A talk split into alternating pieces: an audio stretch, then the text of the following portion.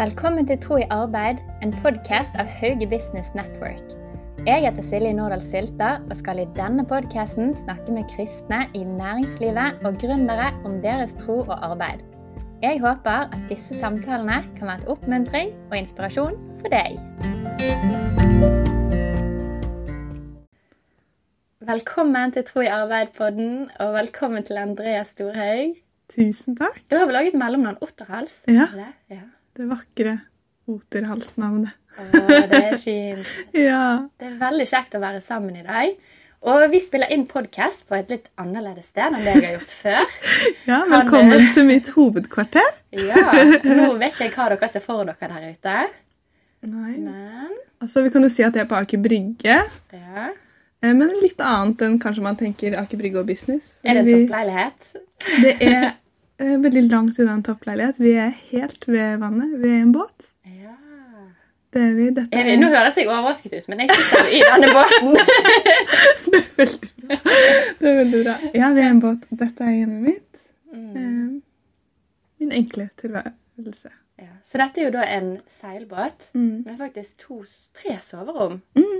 Og bad og kjøkken. Og Ja, det hørtes veldig stort ut. Det er jo det er en stor yacht.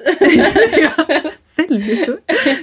Nei, det er mange ting uh, trykka inn på en ikke så stor plass. Men veldig, veldig takknemlig for å bo her. Ja. Koselig at du ville komme hit. Så nå, bare sånn at folk kan få se det for seg, da, så sitter vi altså med dyna mi Mm. spredd utover eh, stuebordet for å fikse lyd. Så det er, det er veldig bra. Ja. Hvorfor valgte du å bo i båt? Du, det var altså Først var det helt praktisk. Mm. Jeg studerte på Høgskolen Kristiania. Mm. innovasjon. Og så hadde vi starta bedrift som en del av studiet. Og så skulle vi ha et praksissemester. Og så ville jeg jo jobbe i min egen bedrift. Mm. Eh, så da gjorde jeg det, men da fikk jeg ikke studielån eller stipend. Mm. Eh, og jeg fikk heller ikke så mye av bedrifta altså Sneipfritt, da, som er bedrifta jeg starta. Så jeg måtte bo enkelt. Jeg måtte bo billig. Ja. Så var det noen som eh, En bekjent som sa han hadde en båt, og spurte om jeg hadde lyst til å teste det ut. Mm. Og det hadde jeg veldig lyst til. Eh, og så ble jeg veldig glad i den enkle tilværelsen. Å leve enkelt, leve tett på naturen. Mm. Så det bare balla på seg. Så endte jeg opp med å kjøpe meg en båt. eh. Men når du skulle bo i båt, var det sånn du tenkte å dette blir et spennende eventyr, eller var du nervøs, eller Det var litt av alt. Ja. Det var litt av alt. Jeg trodde jeg skulle bo med ei venninne, så det var det som hypa meg opp til å tørre å ta steget. mm. Og så trakk hun seg. ja. Og da var det sånn Nei, men herlighet, hvordan skal dette gå? Å bo på en øy utenfor Oslo i, i båt. Og da flytta jeg inn på vinteren. Ja. Eh, Båtliv og vinter er jo kanskje ikke det man drømmer mest om. nei, det er ikke det. Men det har gått kjempefint. Og det har vært så deilig. Mm. Og eh, ja, helt nydelig. Um, skal sikkert snakke mer om det etterpå, men bedrifta jeg driver med, altså vi jobber med å få plast vekk fra havet. Yeah. Så det føltes veldig meningsfullt å jobbe for havet og bo på havet samtidig. Mm. Spennende. Så du er jo da Andrea. Du Mm. bor i båt. Bor i båt. Du har startet bedrift. Det har jeg. Er det noe mer du har lyst til å si sånn om deg sjøl innledningsvis? Nei. Jeg kan jo si at nå tar jeg en master i innovasjon og entreprenørskap på BI. Mm. Så jeg liker veldig godt det å lære om eh, entreprenørskap og innovasjon, og så bare gå rett ut og teste det. Mm. Jeg, det her med liksom, ja, testing og prøving og feiling, Mm. det trives vi veldig godt med. Og det er nok fellesnevneren med alt. Ja. Jeg starta bedrift uten å ane hvordan man skal gjøre det. Mm. Og flytta i bås uten å vite hvordan man seiler. Så Mm. det er liksom med i et nøtteskall. Men når du begynner på ting du ikke kan, eller ikke kan så mye om, eh, syns du det er gøy? ja, veldig. Stortrives. Ja. Det er Man må jo bli litt som et barn. Bare tørre å lære mens man går. Og det kan jo være Det er jo selvfølgelig ubehagelig for jeg, eh, innimellom, for jeg er veldig glad i å ha Gjøre ting skikkelig. Mm. Ha, ja. Og det klarer man ikke når man ikke kan det. Mm. Men det er som, det er som å dra på eventyr. Ja. Man må bare starte en plass, og så Ja. ser man hva som skjer. Å, så gøy. Mm. Det er stilig. Eventyr. det er fint. Ja. Og så har du òg en tro. ja. Fortell litt om det. Ja, troa er jo greia med alt sammen. um, jeg har uh, vokst opp i en kristen familie og vært så heldig å få lov å kjenne Jesus hele livet. Mm. Og så har troa bare blitt viktigere og viktigere for meg. Mm. Og jeg er en skikkelig lagsjente, Mm. så på videregående så blei det viktig for meg å liksom se at det jeg trodde på, og alt annet i verden og livet hang sammen. Mm. Eh, Så det har vært eh, Ja. Jesus er en del av alt jeg driver med, og er det viktigste for meg.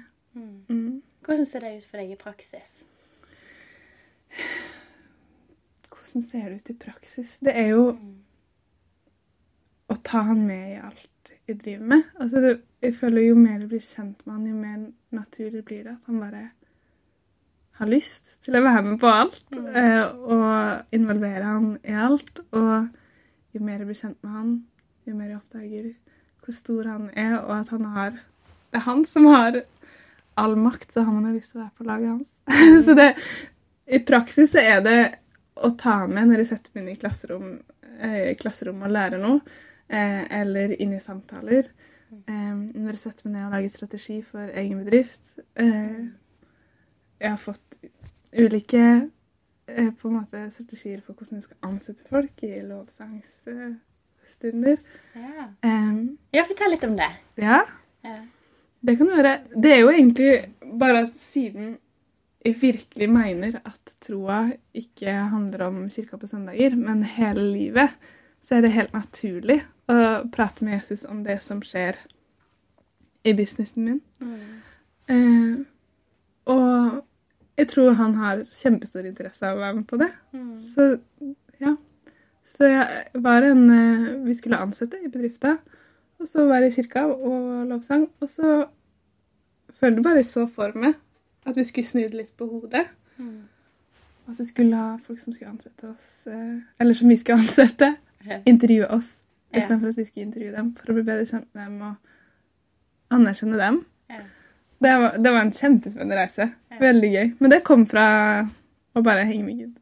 Mm. Men når du fikk det i lovsang, tenk, Mm. visste du umiddelbart at dette er fra Gud? Eller var det sånn du måtte liksom hjem og be over det, eller? Ja, jeg føler Altså, jeg øver meg på å høre Guds stemme og forstå hvordan det ser ut. Ja. Eh, men det, det var et inntrykk jeg fikk, og så er det sånn Det er en kul idé, og jeg tror at Gud er med i det jeg gjør.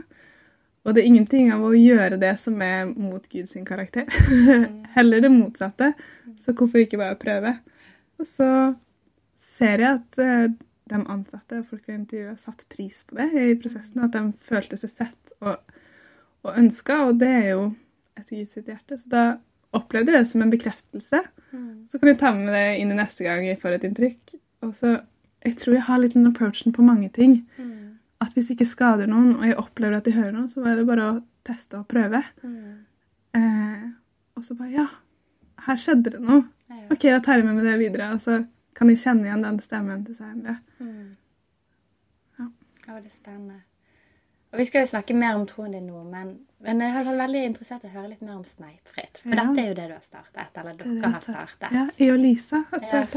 Dere har startet dette sammen. Mm. Hvorfor startet dere Sneipfritt? Altså, det starta som på studiet. Det var første faget vi hadde på bachelor. Eh, første forelesning. Fikk beskjed om å finne et problem, Mm. eh, finne et team Mm. og sette i gang. Så da eh, gikk vi jo ut, da. Prata med litt folk og oppdaga at det ligger sneip absolutt overalt. Eh, og så gravde vi i, det og så at eh, det, det ser ikke bare stygt ut, men det er et stort miljøproblem. Sneipen er plastprodukt nummer én i havet. Um, masse giftstoffer. Hva sa du at sneipene er plastprodukt nummer én i Mhm. havet? Ja, stemmer. Det er det plastproduktet som er mest representert i Jeg ble havet. litt overrasket. Ja, det er ganske vilt. Ja, Og dette er på verdensbasis. Ja. Nå er det havet Ja, ja. helhet. Ja, og i Oslo så er det det avfallsproduktet det er mest av på bakken. Ja. Så det er eh, et stort problem, selv om den er veldig liten. Mm. Eh, og først var jo sånn Det er ekkelt med sneip. Skal vi gidde å jobbe med søppel, på en måte? Eh, Ikke mest attraktive nei, produktet. altså kanskje det minst attraktive produktet. Eh, men vi, vi, oppdraget var å finne et problem, så vi fant det problemet. Og så var det OK, hva kan være løsninga? Og da hadde vi lyst å snu det litt rundt og gjøre det morsomt å løse problemet.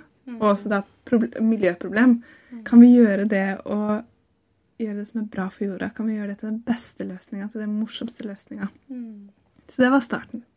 Mm. Jeg var, nå når du sa det på denne måten, jeg tenkte at det er liksom typisk Gud òg. Ja. Å ta noe som er lite Ja. og ikke betyr noe eller Den ubehagelig. bortkomne sneipen. Den bortkomne sneipen.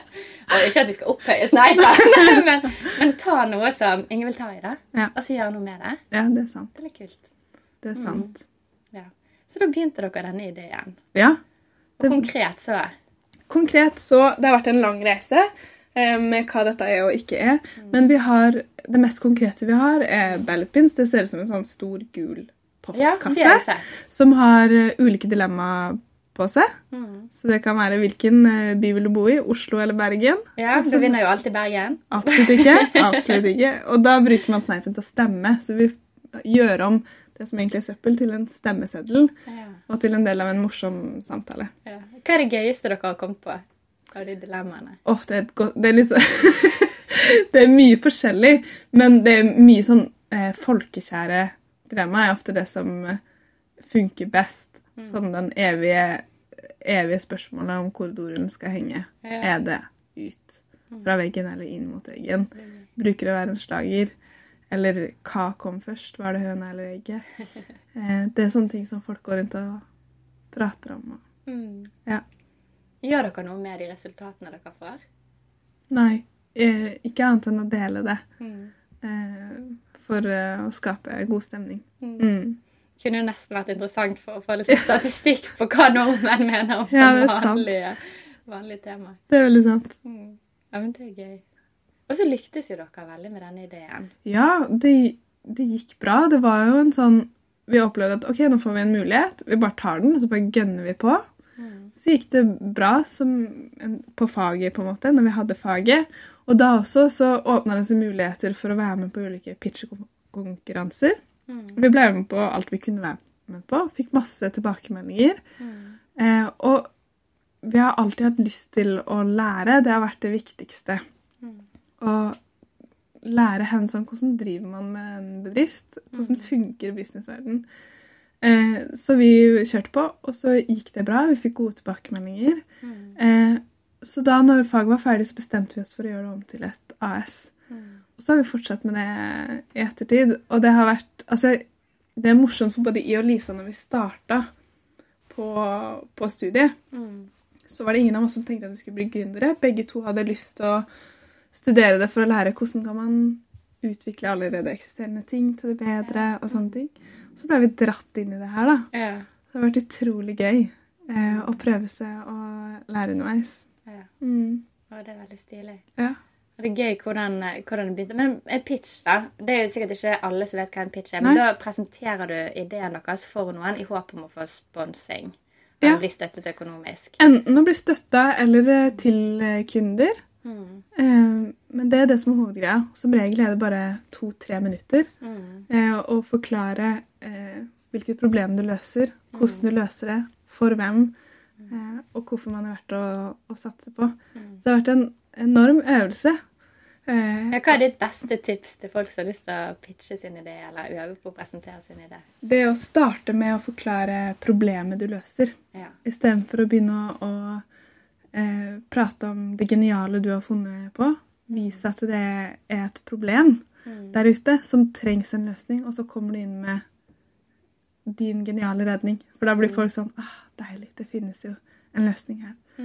Eh, og jeg tror, jeg tror det også det her med problem er noe av det som Det var det som dro meg inn i å søke på denne linja med entreprenørskap. Det var det øyeblikket der jeg innså at business ikke bare handler om å tjene eh, penger på andre og lure penger ut av andre, men det er sånn folk holder på i business eh, nå, så er det Man ser hvilke problemer er det som finnes der ute. Eh, hvilke problemer har du? Hvordan kan vi best mulig løse det. Og så prøver man å bygge en bærekraftig bedrift rundt det, og for at det skal gå rundt, så må man tjene penger. Og så er det jo noen som er mer kyniske enn andre, og det vet vi jo. Men for meg var det i hvert fall den herre Wow! Hvilket problem er det der?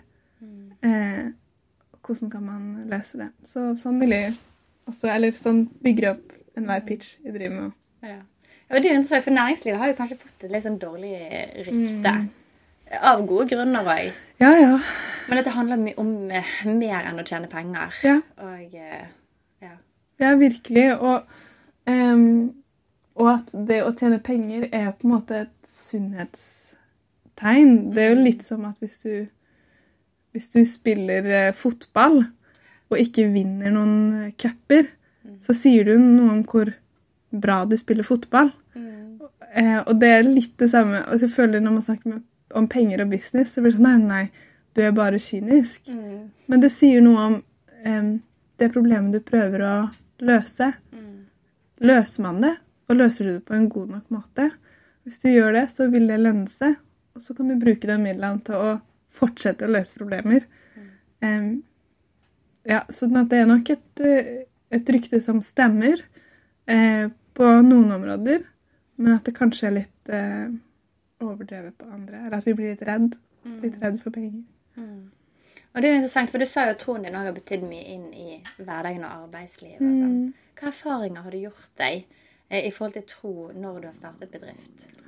Ja, det har vært skikkelig viktig for meg. Det har vært uh, veldig spennende. Jeg har vært heldig å, ha med meg uh, kristne businessfolk i styret, som har vært kjempenyttig. Fordi vi går jo Altså, når man skal ansette noen og begynne å vurdere mennesker, hvem er bra nok for å være i denne bedriften, eller når man begynner med eierandeler, og hvor mange prosent av mitt selskap er det du fortjener? Altså, det er veldig mange sånne heftige runder forhandlinger og eh, selge til kunder. Forsøke å få folk til å tro på det du driver med. Eh, så har det vært utrolig spennende å lære mer av ok, hva er Guds hjerte i det her? Hvordan, hvordan holder han på? Eh, og prøve å Vi har, jeg og Lisa har prøvd å tenke på altså Hvordan kan vi ikke, ikke bare gjøre det gøy å kaste sneipen, men hvordan kan vi skape litt mer liv eh, å, å, gi liv gjennom den bedriften vi driver med. Så å gå helt bevisst inn i møter og prøve å være god med folk. Se dem og se deres eh, eh, behover. Ikke bare det vi prøver å selge. Eh, inn i intervjuer. Se mennesker og se deres eh, behov. Vært kjempespennende. Hvordan forvalter vi penger? Det her med ærlighet. Det er veldig lett å tviste på sannhet og prøve å gjøre ting veldig til fordel for seg sjøl. Har du kommet i noen situasjoner der du har blitt utfordret veldig på ærlighet? Eh, Ja, altså det er jo alt fra når du skal prøve å selge inn noe, så er det jo lett å legge på litt, eller eh, prøve å sette seg sjøl i et litt bedre lys enn det man egentlig er. Eh, I pitcher og Altså, det skjer jo ofte. Og det å hente seg inn og prøve å liksom Ja. Hva gjør du konkret for å liksom være bevisst på å holde deg ærlig? Um, det er et veldig godt spørsmål. Det, jeg tror nok det er bare en veldig viktig Jeg føler meg minna på det. av Jesus. Det er en veldig viktig verdi. Han har sagt hvem han er, og han har sagt hvem vi er. Og eh, ja, det å kjenne Kjenne han og vite hva, hva som er prinsippene Det er noe med at det er mye viktigere for meg enn eh, det salget. Det å ære Gud. Så det kommer veldig tydelig fram. Man kjenner det veldig tydelig på kroppen. Og det å kunne si 'vent litt her, hva er det vi driver med nå?' Ja. Ja, korrigere. Det har vært kjempe Ja, for det er noe vi snakker mye om i nettverket òg. Ja. Det der med eh, presset i næringslivet på å eh, trenger ikke å være direkte liging, men kanskje litt sånn gråsone. mm. litt på sannheten, selge ting inn litt bedre. Ja. Jeg tror det er veldig lett for hvis man ikke er bevisst Ja. å havne i den fellen. ja. Jeg har prøvd mye, fordi sannheten er jo at jeg har starta bedrift uten å kunne noen ting. Ja. Sånn at eh, jeg har prøvd å være veldig bevisste på å si her, dette er helt nytt for oss, men dette er det vi tenker. Eh, og vi har fått mye respekt for det, og eh, opplever at folk eh, får en litt annen eh, Opplever at folk får litt annen holdning. når, eh, når de merker at 'oi, her er det alle korta på bordet', eller 'oi, de her kommuniserer veldig åpent'. Mm. og det er en seier når man ser at folk går eh, litt gladere ut av møtet enn de gikk inn i møtet. For man merker at her kan man være litt mer hele mennesker. Mm. Ja, være rett og slett åpen om svakhetene Ja. som man har hos andre. Mm. Ja, for det òg er noe vi kanskje ofte ikke liker i samfunnet, eller liksom har lyst selv, eller med litt sånn fasadekulturen som vi alltid Ja. har med sosiale medier og sånn. Ja. Um, ja. Og det å være ærlig på ting vi ikke kan òg. ja. Tørre å være ny. Ja, det tror jeg er veldig viktig. Å tørre å ta feil. Ja. Tørre å endre mening. Tørre å ta feil uten å føle at man sjøl er så veldig feil. Ja, Ja, det er veldig viktig. Mm. Um, og, og altså, i innovasjon Mm. så snakker man jo om eh, learning by doing og learning by failing hele tida. Poenget er bare at du skal prøve å feile så tidlig som mulig. Mm. Så du henter erfaringer eh, du kan, og trekker det ut av det, så du kan bli enda sterkere. Mm. Og i USA så er det nesten litt sånn at folk ikke satser på det hvis du ikke har vært gjennom en feil før. For det er et kvalitetstegn du har lært. Mm. Norge er vel kanskje litt sånn seigere på det. Bare 'Å nei, fikk det ikke til', og prøver å være veldig Ja, litt fasade. Jeg, Jeg har hørt noen si det før, at hvis du i USA lykkes én gang, mislykkes ni ganger, så har du liksom lykkes. Mm. Men i Norge, hvis du lykkes ni ganger og mislykkes én gang, så har du mislykket. Ja, dessverre. Det er litt forskjellig mindset i ulike kulturer. Veldig trist. Det er jo, det er jo ingenting i livet funker sånn. Nei. Altså, når du lærer å gå, Mm. og så detter du, så er det ikke mora di sier jo ikke sånn 'Å nei, da lærer vi, å, da lærer vi oss ikke å gå nå'. Det er jo sånn Kommer ikke han deg til å gå? Sorry! Det blir rullestol. nei, da er det jo eh, Prøv igjen, liksom. Ja. Mm. Så jeg skjønner ikke hva som har gjort at vi plutselig bare Dette skal du få til med første forsøk. Opplever du at dere i Sneipfritt har gjort noen feil?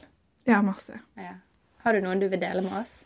Altså, vi har gjort feil med å ikke skrive kontrakter tidlig nok. Eh, bli misforstått. Eh, mange ganger eh, Hva var ulempen med å ikke skrive kontrakt tidlig? Eh, det, Bare at man ikke har en felles forståelse av hva det er egentlig man driver med. Og så tror vi at vi går inn i en kjempemulighet som vil skape eh, masse eh, traction, altså at mange vil se oss. Men så blir vi ikke nevnt i det hele tatt, selv om vi legger inn kjempemasse arbeid. Um, det har også skjedd eh, i samtaler om eierskap av bedriften at man ikke har snakka om det tydelig nok tidlig nok, så det har kommet misforståelser. Det er vel mest det, at det er veldig lett å ha antagelser. At man ikke kommuniserer godt nok. Eh, Og det som er fint med en kontrakt, er jo Man kan tro at det er veldig skummelt og stort og veldig mye sånn juridisk. Men det handler egentlig om bare Hva er det de ser for meg? Hva er det du ser for meg? OK, her lander vi på noe som vi ser for oss er litt sånn Og det kan vi begge stå for. Så det har vi eh, brent oss på mange ganger. Og så har vi brent oss på å eh, ikke ha stor nok tro på oss sjøl. Underselge oss, bruke masse krefter på eh, ting som nesten ikke har vært verdt det. Um, og så lærer vi oss hvordan, hvordan man skal være i møter. Hvordan skal man gi Levere eh, et godt sluttprodukt. Hvordan, eh, og det å for, liksom hele tida være fokusert på at man faktisk prøver å løse et problem for noen, og ikke prøver å få noen til å betale det for for at du skal være en bedrift som går rundt. Eh, det å holde fokus. Ja, for Det er sikkert veldig lett når du er i bedriften og alle utfordringene. at Man glemmer liksom det store perspektivet og fokuserer bare på Ja, Alle det er lett at man mister det. Og så eh, Jo flere man blir i en bedrift, ulike mennesker med ulike behov Jeg har hatt flere ansatte som har slutta, og det å lære seg å stå i det Hva er det som skjer her? Og eh, er, det, er det med? Er, er jeg feil? Er bedriften min feil? Er det jeg har skapt her, er det med å gjøre det vanskelig for mennesker? Eller er det bare at mennesker er forskjellige? Hvordan håndterer i en sånn situasjon? Det har vært en kjempelæringskurve. Så her er det Altså, vi kan holde på lenge, men det er masse Mange feiltrinn på veien, altså. Um, men det hører hører med. Og vi har vært veldig opptatt av å reflektere rundt det og snakke om det. Og ikke ha sånn stigma rundt feil, men at nå dreit du det ut, Andrea. og så hva skjedde der? Og så eh, komme seg opp igjen og prøve på nytt. Ja. Og det er lov å si unnskyld i business òg. ja. Det er sikkert kjempeviktig òg. Mm. Og da er det, er det da du og eh, hun eh, Vel-Lisa Ja. som, som snakker sammen? Eller kan hun komme til deg og si du André, det der var ikke bra, Ja. du sier? ja, absolutt. Og vi er, nå har vi jo fire stykker i teamet. Ja. Og vi prøver å ha veldig åpne samtaler Mm. om hva som skjer. Eh, og det er jo bare det er en kultur man skaper. Ja. Man må jo være trygge på hverandre da, Ja.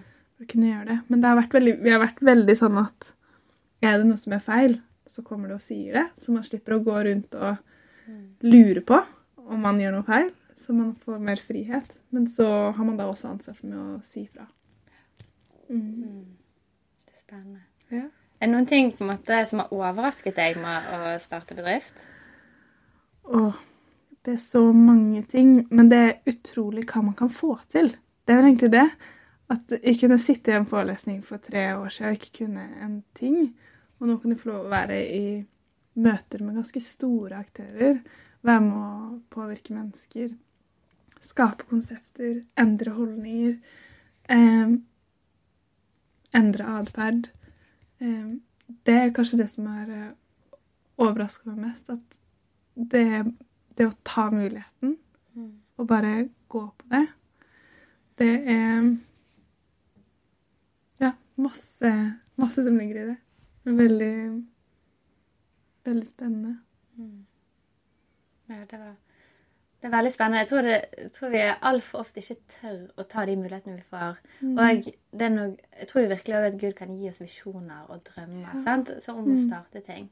Mye mer enn det vi faktisk tør å gå på. Mm. Så det er med å faktisk stole på det man får. da. Ja, det er sant. Det er veldig sant. Og så er det også på en måte, det er veldig lett å tenke sånn OK, Gud, du må ha kalt meg inn i Sneip. Jeg har aldri følt meg kalt til å jobbe med Sneip. Nei. eh, men eh, det handler om hvilke muligheter har man fått, også det å gjøre noe med det.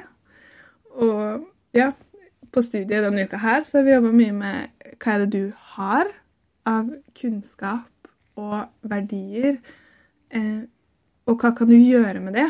Fordi det skaper verdi for andre mennesker. Mm. At man ikke trenger å Og det er også ting som Gud har gitt oss. Han har satt det og med til der vi er i hverdagen, med de menneskene som er rundt oss, og med den erfaringa du har. Eh, om det er å klippe gress eller eh, drive et tech-selskap, så har han gitt deg noen ting, og det kan vi bruke, da. Eh, jeg tror ofte vi sitter og venter på det store kallet. For meg har det vært sånn OK, mitt kall nummer én er å elske Jesus. Og så skal jeg prøve å gjøre det beste ut av det jeg får. Og da fikk jeg muligheten til å teste og prøve og feile med en bedrift, og da var det bare å gå all in. Og det tror jeg vi har godt av. Mm. Mm. Det er jo noen bare begynne å tenke litt på det, det er jo noen som tenker at troen bør være privat. Eller at det er noe man ikke liksom skal ha en del av arbeidet og offentlige livet. Hva tenker du om det? Nei, altså Troen er jo en del av hele oss.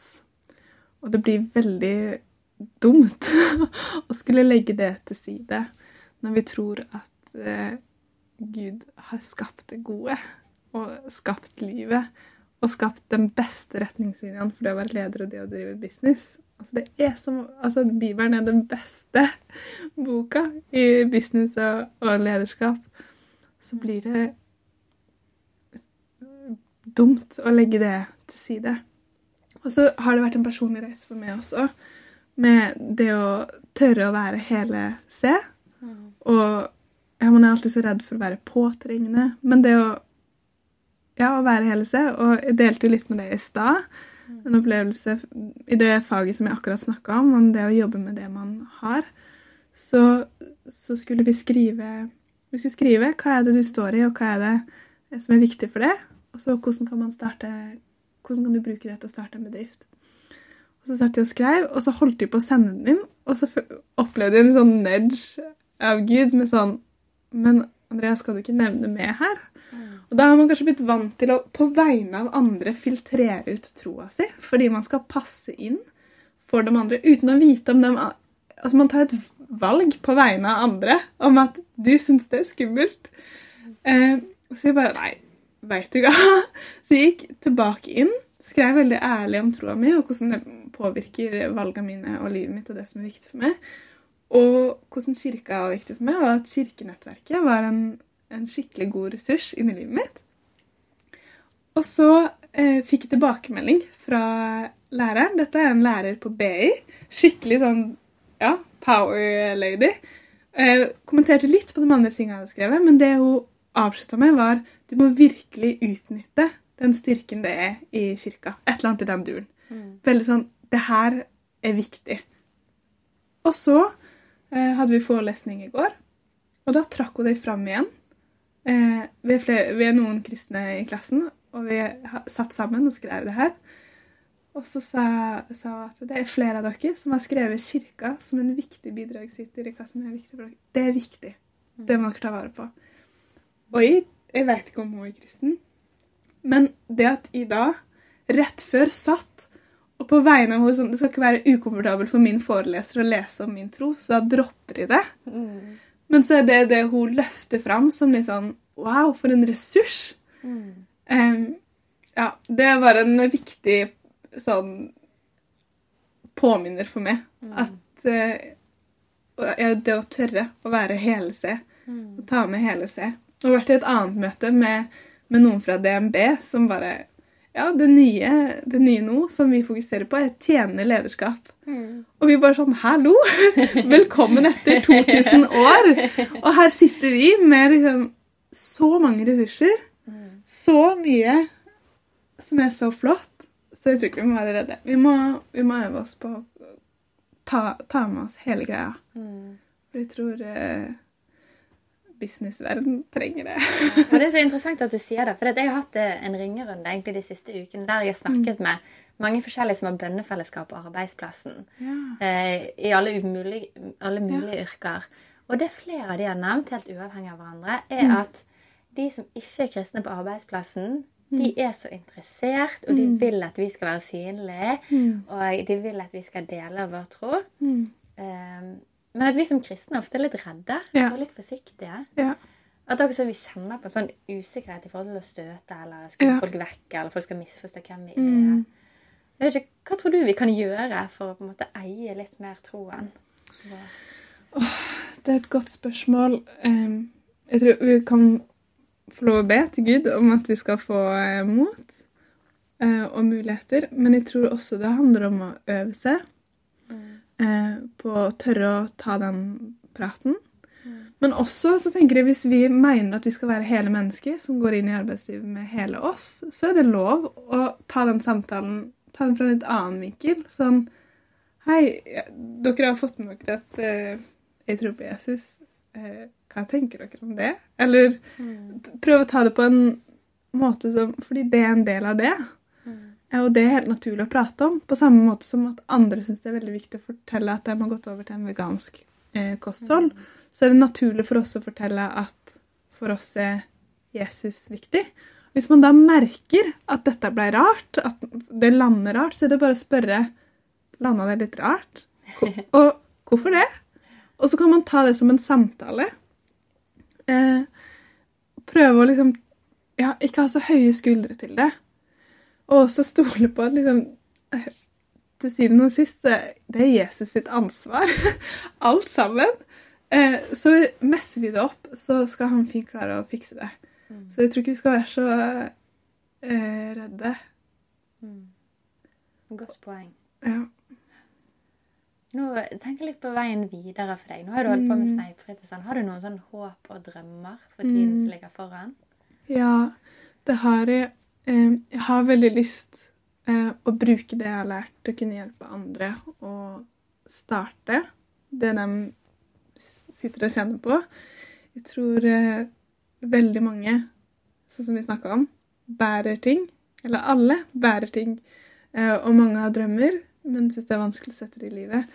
Og litt av greia mi er at jeg har prøvd å lære meg ting hands on. Hvordan funker det å starte bedrift? Og så håper jeg å kunne bruke det til å um, backe andre ved å starte dem sitt. Um, men det er jo fortsatt et år igjen litt over et år igjen av master. Um, så får vi se litt hvor eh, ting ender opp hen. Tror du du kommer til å bli en sånn seriegründer som gründer mye forskjellig framover? Vi veit ikke. Vi veit ikke. Det er liksom ikke eh, greia med å starte Det er ikke det å starte i bedrift i seg sjøl som er greia for meg. Det er å, å komme i kontakt med noe som jeg opplever er viktig, og så tror jeg at jeg kan gjøre noe med det. Da kommer jeg til å kjøre på. Men hvis det, det å starte bare for å starte, det er altfor mye jobb til å gidde. Eh, Men ja. Det blir spennende å se veien videre. Å, det er fint. Mm. Jeg tror vi går litt mot en avslutning. Så det lurer jeg litt på Hva vil du at lytterne først og fremst skal sitte igjen med etter denne Mm. samtalen? Jeg håper folk føler seg motivert til å tørre å, å prøve seg fram. Mm. Og at ikke er redd, og ikke være redd for å ta det første steget og la ting åpnes opp underveis. Og så tørre å prate med Jesus om hele livet, også detaljer om ditt karriereliv. Og han eh, bryr seg og elsker å gi ideer og tanker og, og drømmer. Og så blir det veldig mye mer spennende da. Å, det er fint. Mm. Tusen takk skal du ha, Andrea. Gud velsigne deg videre i det du går i. Takk. Takk det samme.